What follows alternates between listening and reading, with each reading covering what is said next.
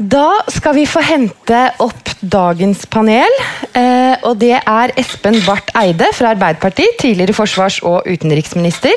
Det er Audun Halvorsen fra Høyre, politisk rådgiver i Forsvarsdepartementet.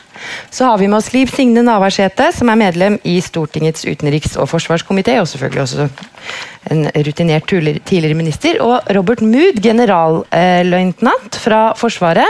Eh, Nato og FN har du vært i, og du er tidligere øverste sjef for Hæren. Velkommen skal dere være. Det er lov å klappe litt, altså.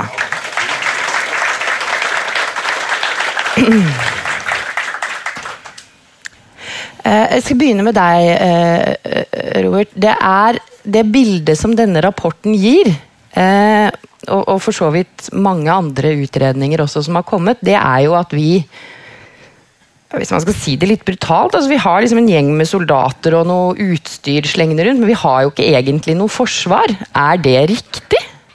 Ja, det er riktig. Det er veldig veldig høy kvalitet på de få avdelingene vi har.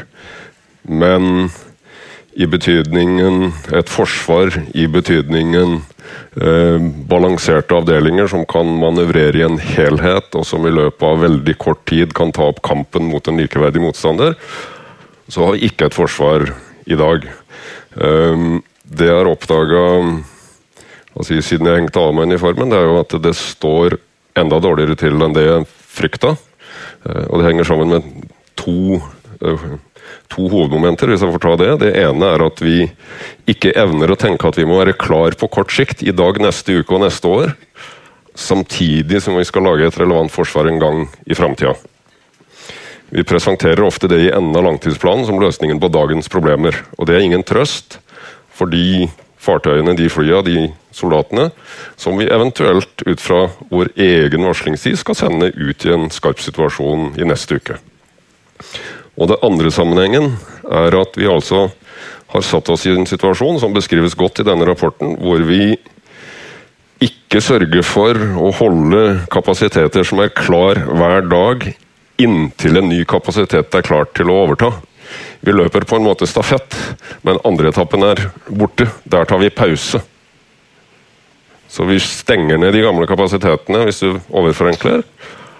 Og så bruker vi måneder eller år til å få nye kapasiteter opp og gå. Eh, så Det innebærer at eh, beskrivelsen av et forsvar som har store kritiske operative svakheter, er helt riktig. Takk skal du ha.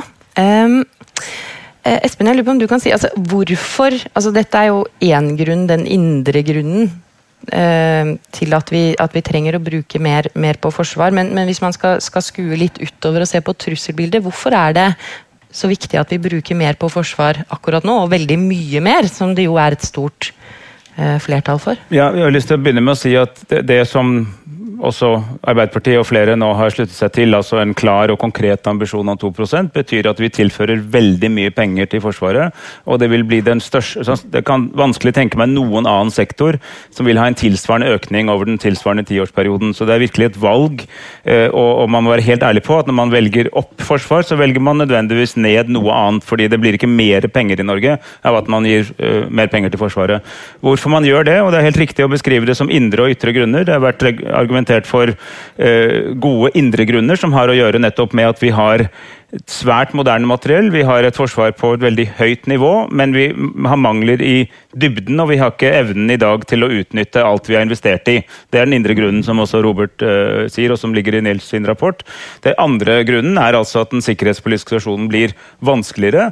Det er både blitt en mer konfliktfylt verden, hvor sannsynligheten, sannsynligheten for å bli involvert i en krig er selvfølgelig fortsatt lav, men den er høyere enn den var, og vi forutsatte på 90-tallet. Altså en krig mellom stater. og at den forestillingen om at alle konflikter nå skjer i svake stater langt vekk, er ikke nødvendigvis sann lenger lenger. Så det må vi ta høyde for på en måte som vi kanskje ikke gjorde på 90-tallet og på begynnelsen av 2000-tallet. Verken da vi trodde på uteoperasjoner for å forholde oss til borgerkriger, eller at liksom terror var den eneste trusselen. Hvis terror var den eneste trusselen, hadde det vært en god nyhet. for å være helt ærlig. Fordi at En ordentlig krig er uendelig mye mer dramatisk enn selv den største terroraksjon. Det er liksom ikke, det er ikke samme størrelsesorden i det hele tatt. Uh, og, og, og, på toppen av det kommer det altså uh, noe som bekymrer meg kanskje spesielt mye, nemlig en økende usikkerhet over Atlanterhavet, over troverdigheten i, eh, i Nato-forpliktelsene slik vi kjente dem, som gjør at vi også må ta del i, eh, samtidig som vi skal ha og bør ha en sterk transatlantisk ambisjon, må vi også styrke den europeiske dimensjonen i vårt eget forsvar, og det koster, koster også penger. Tusen takk. Um, du sitter jo og har ansvaret for dette, Audun. Hva, hva, hva tenker du når, du når, du leser disse rapportene og, og, og, hører om vurderingene av Norges forsvarsevne i dag, og, og de planene dere har lagt, og kritikken som kommer mot det? Eh, jeg er et stykke på vei enig med Robert. Og det har jo også både forsvarssjefen og forsvarsministeren uttrykt veldig tydelig eh, etter 2013 eh, og det regjeringsskiftet som da var. Og dette kulminerte jo egentlig i 2015 med forsvarssjefens fagmilitære råd, hvor han sier at det budsjettnivået som lå da, det var en styrt avvikling av Forsvaret slik vi kjenner det. Og det lå en ubetalt regning på 180 milliarder kroner. Og Det er klart det var utgangspunktet for vårt arbeid med denne langtidsplanen. Eh, og jeg vil si at Tittelen på den rapporten som IFO har gitt ut nå, 'På vei mot et realistisk krigsforsvar', det kunne også vært tittelen på Prop. 151 S. Det er nøyaktig den samme logikken som ligger til grunn. Og det er den samme fremgangsmåten noenlunde. Først skal vi få det vi har, til å virke. Altså ta tak i de øyeblikkelige utfordringene. Eh, beredskapsbeholdninger, ammunisjon, reservedeler, vedlikehold. Så skal vi forbedre den operative evnen gjennom å øke bemanningen i Sjøforsvaret f.eks., i Hæren. Eh, økte driftsmidler til øving og trening. Redusere klartider. Så investerer vi tyngre og tyngre i nye, viktige strategiske kapasiteter. Det er nøyaktig den samme logikken som forsvarssjefen la til grunn i FMR, og som vi følger opp i LTP. Tusen takk. Eh, Liv Signe, eh, vil også gjerne høre dine tanker rundt dette med ressurssituasjonen. og Det er eh, altså, det er ikke noe tvil om at, at, det som er vedtatt i langtidsplanen og, og, og 2 %-målet, sånn, det er jo et voldsomt løft for Forsvaret. Det betyr at vi i landet vårt skal bruke mye mye mer penger på forsvar enn, eh, en vi har gjort på lenge. Eh, men så få, jeg kommer jo liksom allerede nå, før vi er i gang, kritikken om at dette er allikevel ikke nok. Hva, hva tenker du om det? Nei, jeg tenker at uh, Den beskrivelsen som Robert ga i stad, er jo nok dekkende for det som uh, er situasjonen. Uh, og vi må kanskje se litt på bakgrunnen for det. fordi at Eh, vi hadde gode år der en, en trodde at uh, verden skulle bli et mye fredeligere sted. Vi fikk uh, delelinjer mot Russland, vi hadde veldig god dialog uh, med, med, Russland. Og USA hadde en president som rett nok gikk til krig i, her og der, for å si det sånn, men, men dog var en ryddig president. alt det er forandra. I tillegg har vi fått kriger mye nærere oss. Ja, Knytta. Syria, som er, det er ikke langt unna, det er veldig nært. Um, så sikkerhetssituasjonen endrer seg dramatisk. Og det er, for å sitere Nato-sjefen uh, på et møte vi hadde, han er villig til å bygge ned i gode tider, som en over er villig til å bygge opp Forsvaret når, uh, når situasjonen rundt oss endrer seg. Og det bærer jo både langtidsplan uh, og diskusjonen her om 2% da tydelig preg av. For vi har en endra situasjon. Vi er et lite land med en sterk nabo. Og det vil jo ikke forandre seg de neste 20-30 åra. Sannsynligheten er stor for at vi òg om 30 år har en stor og sterk nabo i øst. Vi vet ikke hvordan USA utvikler seg. EU har litt mer usikkert med våre europeiske naboer. Nato-samarbeidet er veldig viktig for oss. Eh, det må vi jobbe alt vi kan for å, for å holde som en sterk allianse. Det er jo det som er virkelig eh, vår base for Forsvaret. Men i tillegg til det så må vi hjelpe oss sjøl.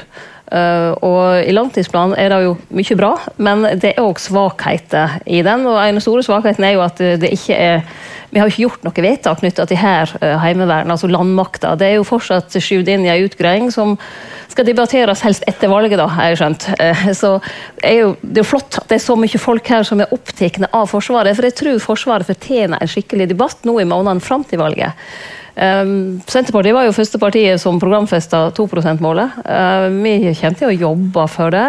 Jeg syns den rapporten som vi har fått i dag, å lese den, peker på det vesentlige eh, at hvis vi skal ha et forsvar som kan stille kjapt I år var på HV-øvelse i Trøndelag, og det er liksom det mikronivået, mikronivå, da. Men det blir akkurat det samme der. vi har et bra heimevern her, men vi har for lite folk, vi har for dårlig utstyr.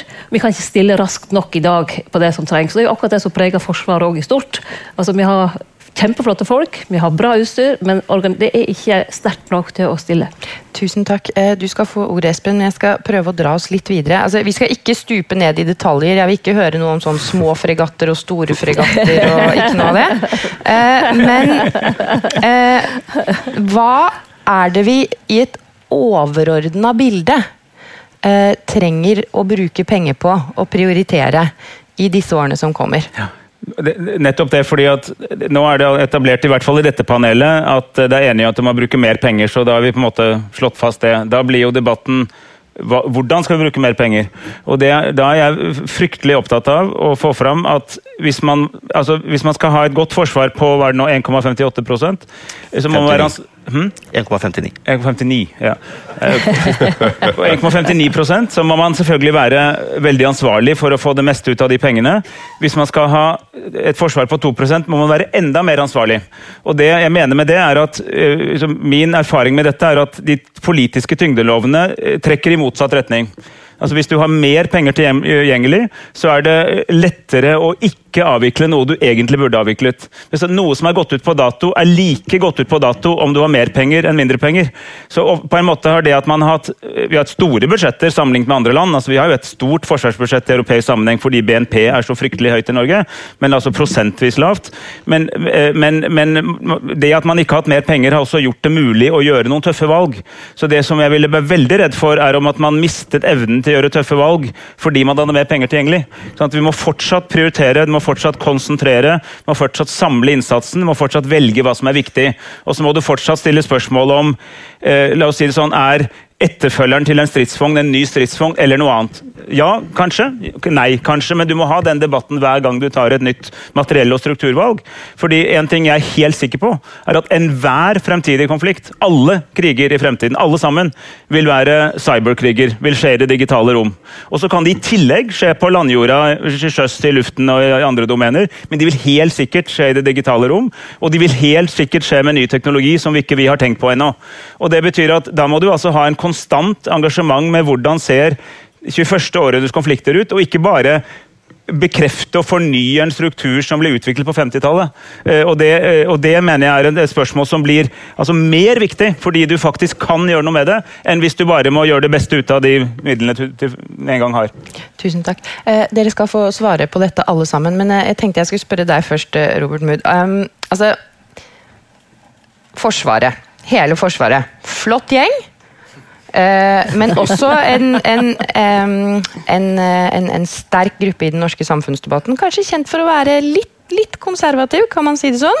Og, og, eh, og, og, selvfølgelig også med den samme driften som alle andre som jobber et sted, har til å bevare egne arbeidsplasser og, litt sånn motvilje mot omstilling og sånn. Det har absolutt alle mennesker eh, og organisasjoner i seg. Ikke at ikke Forsvaret har omstilt mye, altså, for det vet alle her at de har. Men Eh, disse problemstillingene som, som eh, Espen trekker opp her, eh, er dere for dårlige til å se det? At vi, for det er jo altså at vi kanskje trenger å gjøre helt nye ting, istedenfor å bare fortsette med det som vi har gjort? Ja, Nå har jo Espen uh, i og for seg svart på det spørsmålet allerede. Min erfaring er at vi ikke er dårlige til å se inn i krystallkula der framme. Det er vi gode på. Det vi er dårligst på, det er å sørge for at avdelingene våre, soldatene våre, er klar til strid hver dag. Og når vi sitter og sier, eller statsråden da, for å ta den som har ansvaret, sier at vi har kort eller ingen varslingstid, så må altså fartøyer, fly og avdeling være bemanna. Vi må ha ammunisjon der hvor folk er. Og vi må sørge for at de har luftvern. En avdeling som ikke har luftvern, kommer ikke ut av porten hvis du har en god strateg på andre sida. Så den biten sammen med å tenke langsiktig. Vi må ha et forsvar som er klart til strid på, sikt, på kort sikt, basert på vår egen varslingstid, og så må vi tenke nytt om det nye der framme.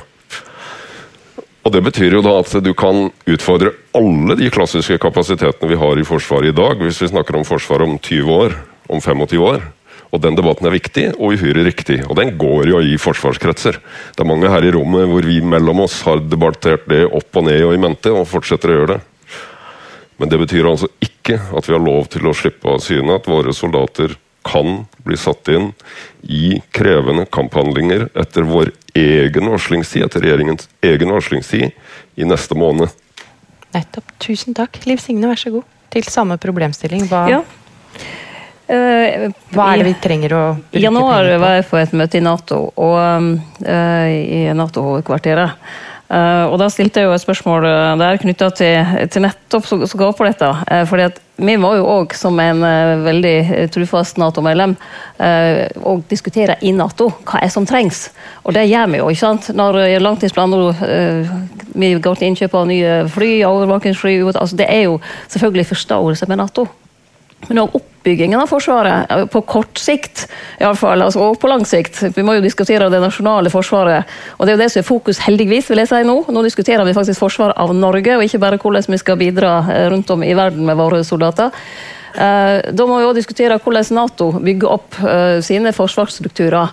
Og Jeg stilte jo spørsmål i, i Brussel knytta til Hæren, eh, og nettopp det som var sagt om ja, skal vi ha en brigadestruktur. ikke sant? Og Da fikk jeg jo til svar fra nestsjefen i avdeling for kapabiliteter og, og forsvarsplanlegging at en hær uten brigadestruktur er irrelevant for Nato. Fordi at En må jo ha den samme oppbygningen for å kunne gå inn i kommandostrukturen. Eh, enten Nato-styrker skal komme hit, eller Norge skal bidra ute. Det er jo ganske stor logikk i det. Eh, og det, det låser jo litt av en diskusjon mener jeg, på kort sikt, men på lang sikt så er det jo veldig viktig at en diskuterer eh, hva nye trugsmål som kommer. Og det med cyberforsvaret er vi jo definitivt ikke gode på i dag. Gode nok på. Jobber godt med det, men det er ikke godt nok. Og det er jo den type destabilisering av samfunnet. Eh, angrep cyber, angrep på sårbare installasjoner, enten energi eller andre. Kanskje det som er mer sannsynlig sånn i, i, en, i dagens situasjon, enn at eh, en kommer rullende med store eh, styrker inn over, over Norge. Men det er klart, vi er Nato i nord. nord. Altså Det er Norge som er nordflanken i Nato, eh, og det gir oss òg et veldig stort ansvar for eh, hvordan vi eh, bygger opp vårt eget forsvar til å være den styrken som trengs, og innad i alliansen. Mm. Audun, vi selvfølgelig også gjerne høre dine tanker rundt dette. Altså, hva er det vi overordna må bruke mer på i årene som kommer? Dette har jo dere også tenkt litt rundt. Altså for det første er Jeg veldig enig med, med Espen Barth Eide her. Eh, Jeg tror det, eh, altså Noe av det farligste er å havne på et sted hvor man rett og slett blir for ambisiøs og ikke følger opp politisk. Eh, Ikke evner å ta de vanskelige valgene, og, ikke, og du får altså en, en struktur som i realiteten er hul. Og Der har vi vært, og dit skal vi ikke tilbake. Og Det er altså et av hovedprinsippene i denne langtidsplanen. Det vi bør investere i, det er det som gir forsvarsevne. Og til det så tror jeg hvem, Hvor mange har fått med seg hva som skjer i Stortinget i morgen? Da diskuterer, eller da vedtar altså Stortinget den nest største forsvarsinvesteringen i moderne tid. Nye ubåter. Gjennom investeringsproposisjonen for, for året. Det, nesten, det skjer nesten uten diskusjon. I stedet for så diskuterer vi altså f.eks. Sjøheimevernet. Som med respekt å melde gir ganske begrenset forsvarsevne i det store bildet. P8 altså mariti nye maritime patruljefly, er en kapasitet som eh, vi anskaffer for å kunne møte den kanskje største trusselen mot eh, europeisk sikkerhet i et sånn full krigs-krisescenario. Nemlig at noen kommer ut og stenger Atlanterhavet med sine nye, ekstremt kapable ubåter. Det er en trussel som Nato og vi tar på høyeste alvor. Det er en kapasitet som gir stor forsvarsevne, er høyt etterspurt, helt i tråd med Natos kapabilitetsmål. Det ville f.eks. ikke eh, Liv Signe Navarsete investere i. Luftvern er en av Stemte vi imot det? Stemte vi imot det i Stortinget? Hvis du leser merknadene deres til LTP-en, så Ja, vi vil dere bruke de pengene har på Hæren har isteden. imot, ja. Men du har Luftvern ikke penger til Hæren. er, luft, luftvern er en Hæren skal debuteres uh, i det vide og brede på mandag. Jeg vil anbefale alle å komme dit. Det kan bli spennende. Luftvern er jo en av hovedprioritetene i langtidsplanen. eh, Nettopp fordi det Robert sier er helt riktig. I et moderne trusselscenario så er det en viktig kapasitet. Så er jeg også helt enig i at Forsvaret er god på omstilling. Men de er også gode på omkamper. Eh, og det går rett inn i det som, eh, som uh, Espen var inne på. Vi må ta noen vanskelige valg. Det gjelder kapabiliteter, strukturelementer som er som mange ønsker seg, men som kanskje ikke møter trusselbildet. Og det gjelder lokalisering. Vi står i vanskelige, krevende valg rundt lokalisering av basen for disse nye MPA-ene, f.eks. Så invester i det som gir forsvarsevne, og gjør de vanskelige valgene. Takk. Da skal Liv Signe få svaret, og skal du få en kjapp kommentar. Hva ja, nei, Jeg er jo enig i at det, det er investeringer i forsvarsevne som òg gir mulighet til å stille kjapt. Altså Det å, å holde ut til en parallell styrke, det er jo det som må være det viktige. Eh, eh, men når en liksom, gjør litt narr av Sjøheimevernet, eh, og egentlig gjør regjeringa litt narr av Heimevernet òg, så mener jeg at det er helt feil. For at, uh, Vi må se det i sammenheng med, totalberedskapen. Et uh, omgrep som har blitt altfor uh, forsømt og blitt litt borte i debatten. for de som bor rundt om i Norge, enten de bor her i Oslo eller andre plasser, så er det jo òg viktig å føle den tryggheten i hverdagen. Og Det handler om alt fra ambulanse til brann til politi til sivilforsvar og ikke minst Heimevernet, som er en viktig del av det. Og Der kommer også Sjøheimevernet inn. Så jeg synes ikke akkurat den tonen og den litt sånn foraktelige tonen om, om, den viktige biten som går på folk sin hverdag og, og beredskap, og som òg går på allierte styrker. Neste år skal det være en kjempesvær øving i Norge. Eh, store Nato-styrker skal komme hit. Annet skal de komme inn til Åndalsnes. HV11 har regjeringen bestemt skal legges ned. Men når de hadde bestemt det, så fant de ut nei, søren, det kan vi jo ikke gjøre. fordi at neste år kommer det masse allierte styrker og skal inn til den øvinga. Da må vi ha HV11, for vi er nødt til å ha noen som tar imot dem. Altså, ja, nettopp. Men hva hvis det, vi skulle ha bruk for allierte styrker i en krigssituasjon? Hvem skal ta imot dem, hvis en har kutta Heimevernet rundt omkring? Hvem skal drive objektsikring? På mandag har vi altså en lukka høring, eh, ikke høring, unnskyld, debatt i Stortinget. Det er veldig sjelden vi har.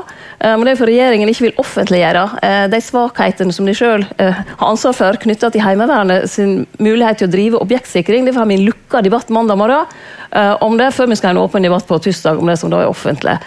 Så, så, Vi må faktisk ha med alle delene i Forsvaret. Noe er på en måte litt sånn hverdagsforsvar, men det er òg kjempeviktig. Og så har vi det store forsvaret som en forsikring i en stor krise- og, og krigssituasjon. Så, så det, det, og det er jo nettopp helheten og samarbeidet mellom de ulike forsvarsgreinene som jeg mener må styrkes.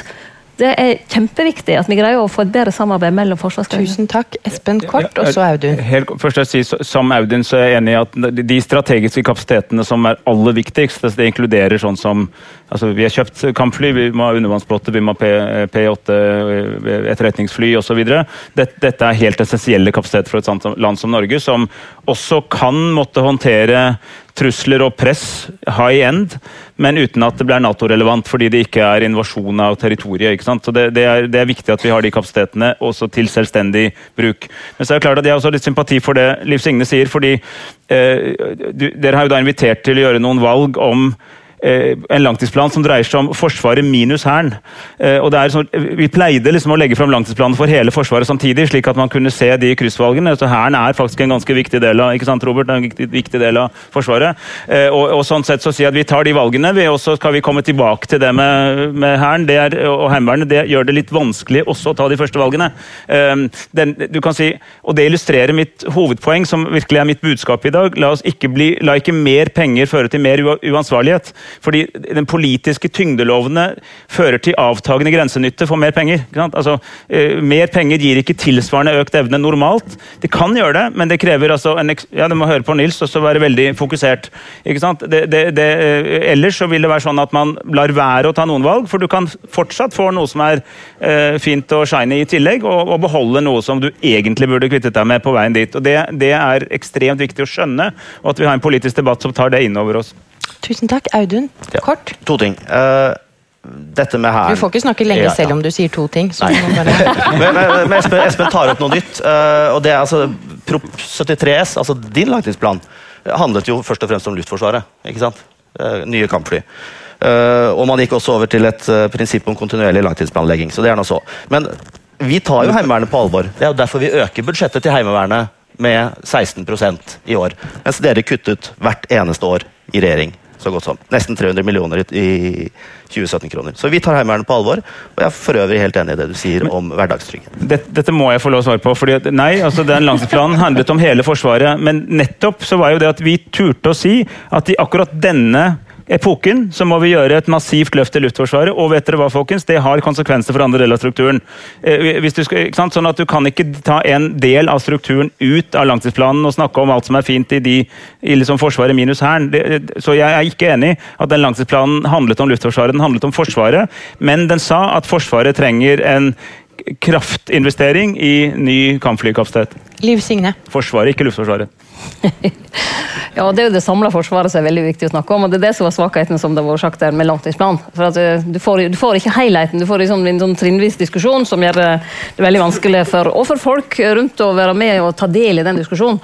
Eh, og jeg mener at Hæren er en veldig viktig del av Forsvaret. Eh, det er per dags dato så vidt jeg vet, ikke vunnet noe krig uten at du har folk på bakken. Og McMaster, som nå er rådgiver for, eh, for Trump, og som var i Norge i fjor høst, var veldig tydelig på Og han er vel en av veldig omtykt fagmann på området, så han var veldig tydelig på det. Altså, du vinner ikke en krig uten at du har folk på bakken.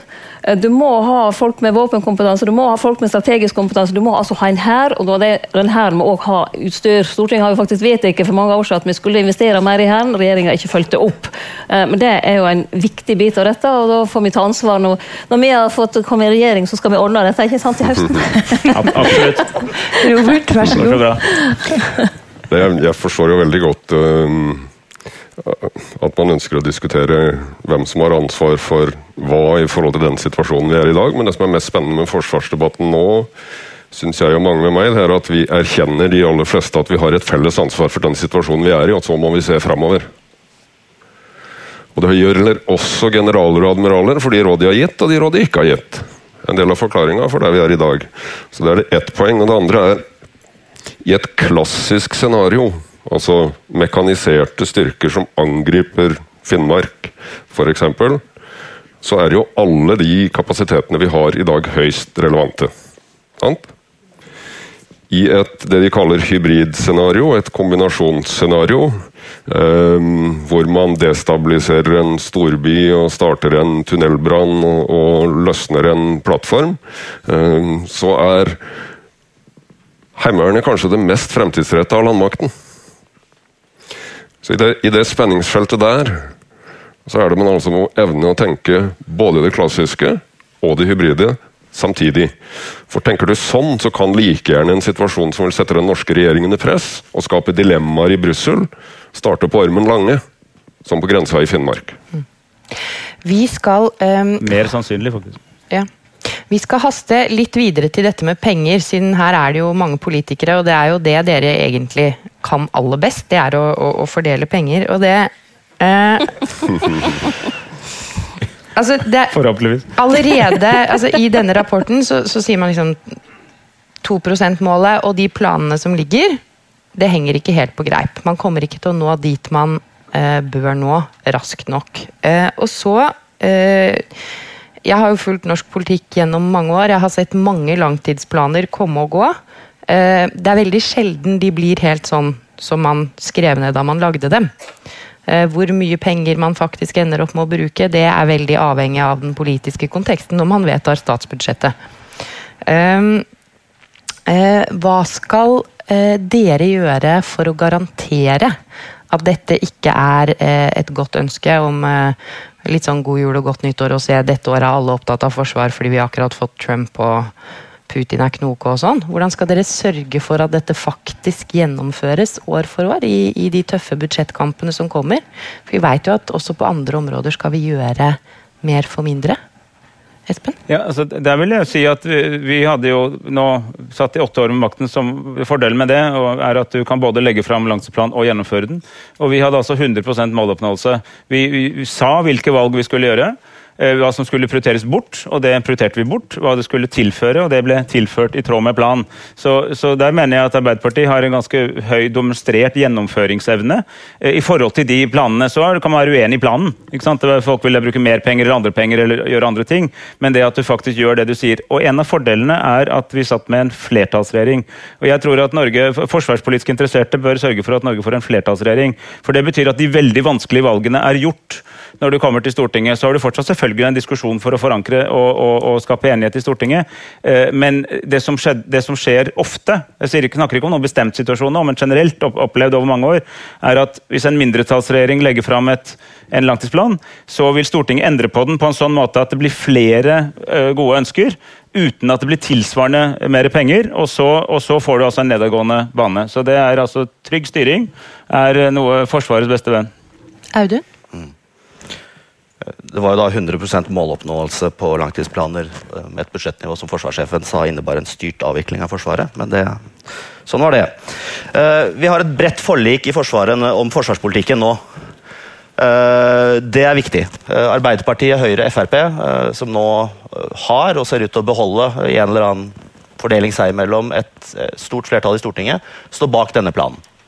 Og det er den mest ambisiøse langtidsplanen noensinne. Uh, altså 8 milliarder opp cirka, i budsjettnivå på fire år. Det er krevende i uh, pågående budsjettforhandlinger. Det vet uh, ikke minst de som har vært statsråder og vært med på regjeringskonferanser. I tillegg til bare, altså tilleggsmoment så bruker vi altså 16 milliarder kroner i samme tidsrom på kampfly. Tilleggsbevilgningen til kampfly. Vi har også 100 måloppnåelse på LTP-en vår så langt. og Det er altså like mye penger som de to foregående langtidsplanene til sammen. Men uh, det handler jo også om å skape aksept i befolkningen for at dette må prioriteres, også på bekostning av velferd og uh, andre hyggelige saker. Liv Signe? Ja, det kan jo skje på bekostning av skattelette, f.eks. Eh, jeg greier meg uten den tikroningen i skattelette som, eh, som, vanlige folk får. Og ikke har jeg så mange millioner på boka at jeg får del i den store skatteletten, så, så det gjelder vel de fleste som er her. Så eh, jeg tenker at hvis en vil prioritere, så evner en å prioritere. Og det som selvfølgelig er utfordring for oss i Senterpartiet, er hvis vi kommer i regjering med Arbeiderpartiet, eh, som da er enig med regjeringen i dag om, om langtidsplanen. er så klart vi har jo en skikkelig jobb å gjøre og håper å bli sterke nok til å kunne kjøre det løpet innad i regjeringen. Så når han sier at Arbeiderpartiet leverer, så vil jeg si at ja, ja, det gjorde de, men de gjorde ikke det alene, den leveransen. Det er helt riktig. Ja. og, og det kommer de ikke til å gjøre nå heller, for det ligger vel ikke an til at noe parti får et flertall. Eh, så Senterpartiet har jo forplikta oss eh, tydelig på, på, dette. Vi eh, kommer til å delta med liv og lyst i debatten framover høsten knytta til landmakta. Som, som enkelte spør oss hvorfor vi er så engasjert i det. Jo, det er fordi at når det gjelder ubåter, fly, så er alle enige. Altså, det er jo ingen grunn til å bruke masse krefter og diskutere noe som, som hele bredden i Stortinget er enige om. Men jeg tror når vi kommer til landmaktutredningen at det vil vise seg at der er det større uenighet om hva som er framtida, og det er òg en viktig debatt for den heilskapen som Forsvaret skal være. Og det skal vi la bli siste ord i dag. Eh, dette er militær presisjon på når vi avslutter. Tusen, tusen takk skal dere ha for at dere stilte opp, og takk til dere som har vært publikum.